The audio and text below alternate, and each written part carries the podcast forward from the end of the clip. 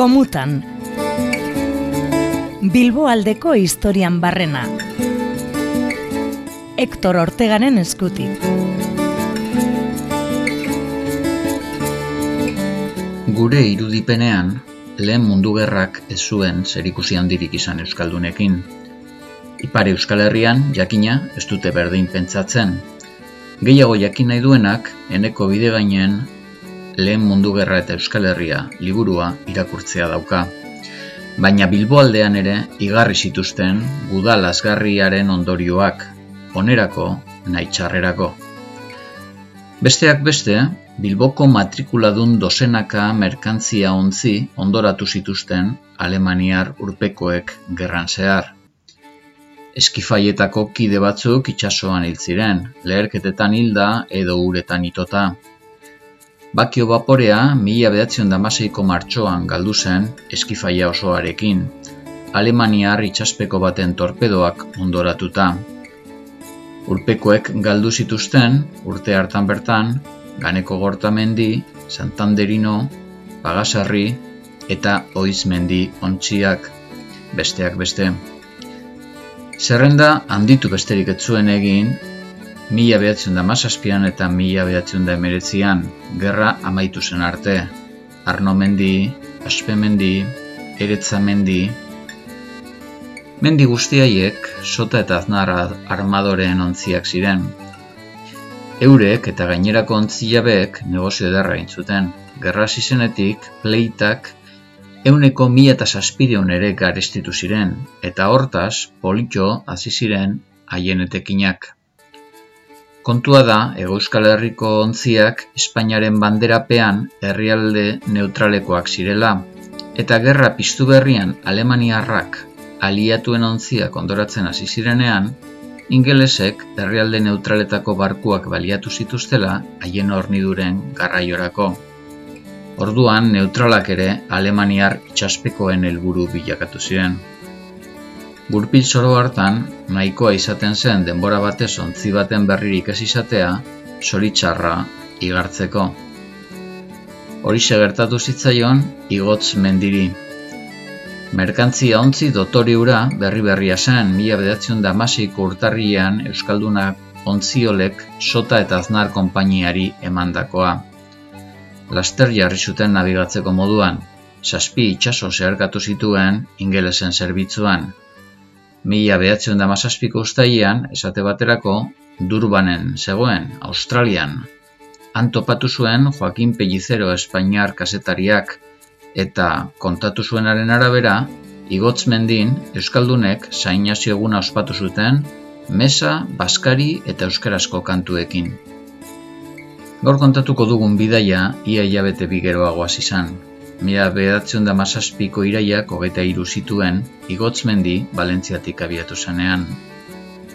Indierantz jo zuen Atlantikotik.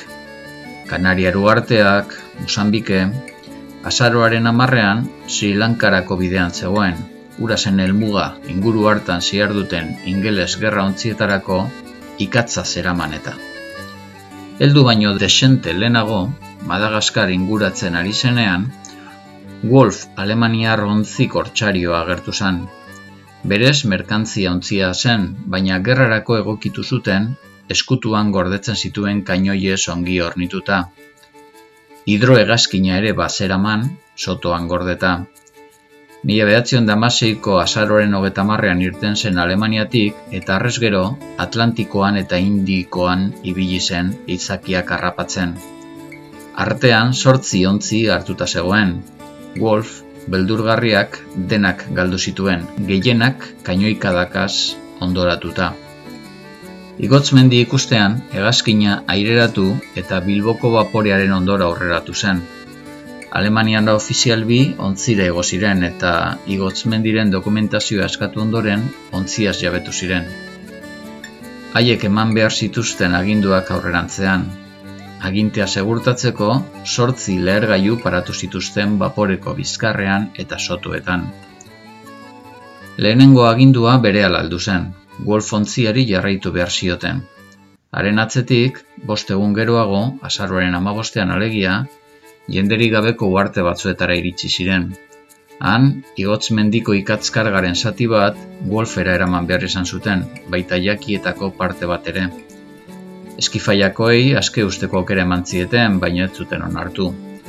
Ondoren, ontziko kroskoa ordin ilunez margotu eta azkenik Bilboko baporera eraman zituzten hogeita sei gerra gatibu ingelesak gehienak. Handik, elkarrekin abiatu ziren, egualderantz. Esperantza honeko lurmuturra gainditu eta Atlantikoan murgildu ziren, Wolf aurretik eta igotzmendi atzetik segika. Bitartean, Bilbon etzegoen baporearen berririk eta hortaz galdutzat eman zuten baina ez zegoen galduta, ez da eman ere. Alemaniar ofizialen agindupean, txasoan asteak eman eta gero, Brasil aurrean dagoen trindade uartean agertu ziren. Eta handik, iparralderantz jo zuten. Wolfek birritan hartu zion ikatzkargaren zati bat igotz mendiri, eta bidetik beste persa bat egiteko aprobetsatu zuen, baita ondoratu ere. Ingeles gerra ontzietatik igesi, ekuatorea zeharkatu eta Europarako bidea horratu zuten bapore biek. Orduan, Wolfa horreratu zen. Mila behatzion da mazortziko txaiak iru zituen Euskaldunek Alemania rontzia azkeneko zikusi zutenean. Wolfek, ostopo guztia gain ditu eta Alemaniara itzultzea lortu zuen. Arrez gero, igotzmendi bakarrik ibili zen, beti ere Alemaniarren aginduetara. Lehenengo Islandia aldera iritsi ziren, eta ondoren, ekaitzei, hotzari eta izotzari aurpegia emanez, Norvegiako kostaldera horreratu ziren. Handik, Danimarkara jaitsi ziren, Baltikora sartzeko asmoz. Bertan, eskagen aldean, Alemaniar ofizialen erabaki oker batek bidaiaren amaiera ekarri zuen. Otsaiaren hogeta lauan, igotzmendi Daniar kostaldean ondartuta gelditu zen. Ondoren, Alemaniarrak vaporetik atea ziren eta lekukoen arabera, lehergailuak piztu zituzten. Testigantza horren arabera, ontziko kapitainak, Quintin Uraldek, itxasora bota zituen estanda egin aurretik. Konponketak egin eta gero, igotzmendi santurtzira heldu zen ekainaren hogeta batean. Bederatzi hilabeteko zeharkaldiaren ostean, milaka mila egin eta gero, vaporeko eskifaia Bilbon zen atzera ere hildakotzat jo zituztenak bizirik eta onik agertu ziren. Zorigaitzez, ofizialen izenak baina ez dakizkigu. Baina hona hemen.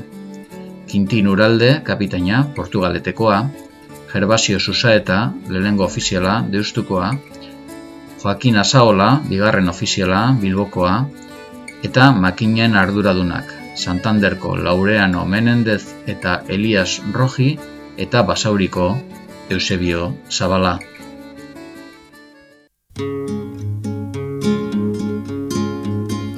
Zori gaiztoan fundatutako Alemaniako gerra.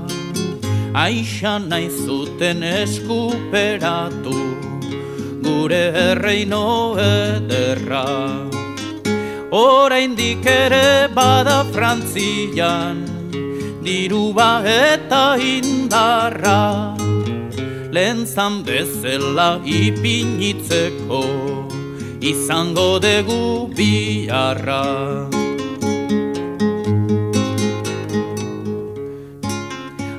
Amorratu bak ziru ditela, etorri ziran Frantzia, orain esaten errezago da, orduko gure trantzia. General Fotxek eman diote, uste ez zuten partxia Mereziko du diamantezko estatua bat jartzia.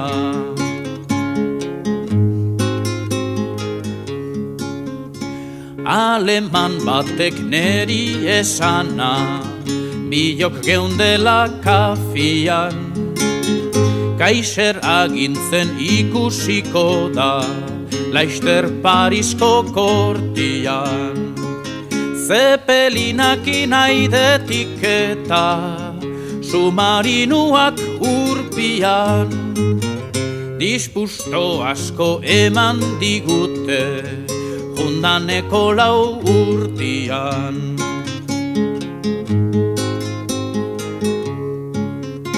Zepelin zarrak bombaz betiak Goiko oroian tartian.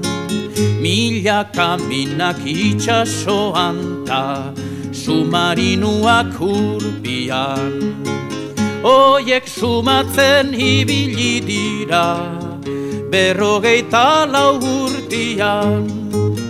Kaiser Parisen ez da sartuko Wilson biziden artian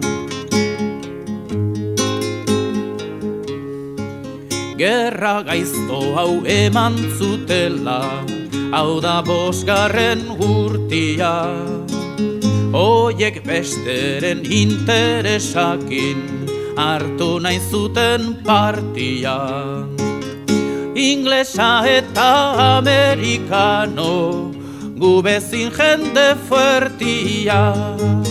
Alemana idi eman diote izugarrizko kolpia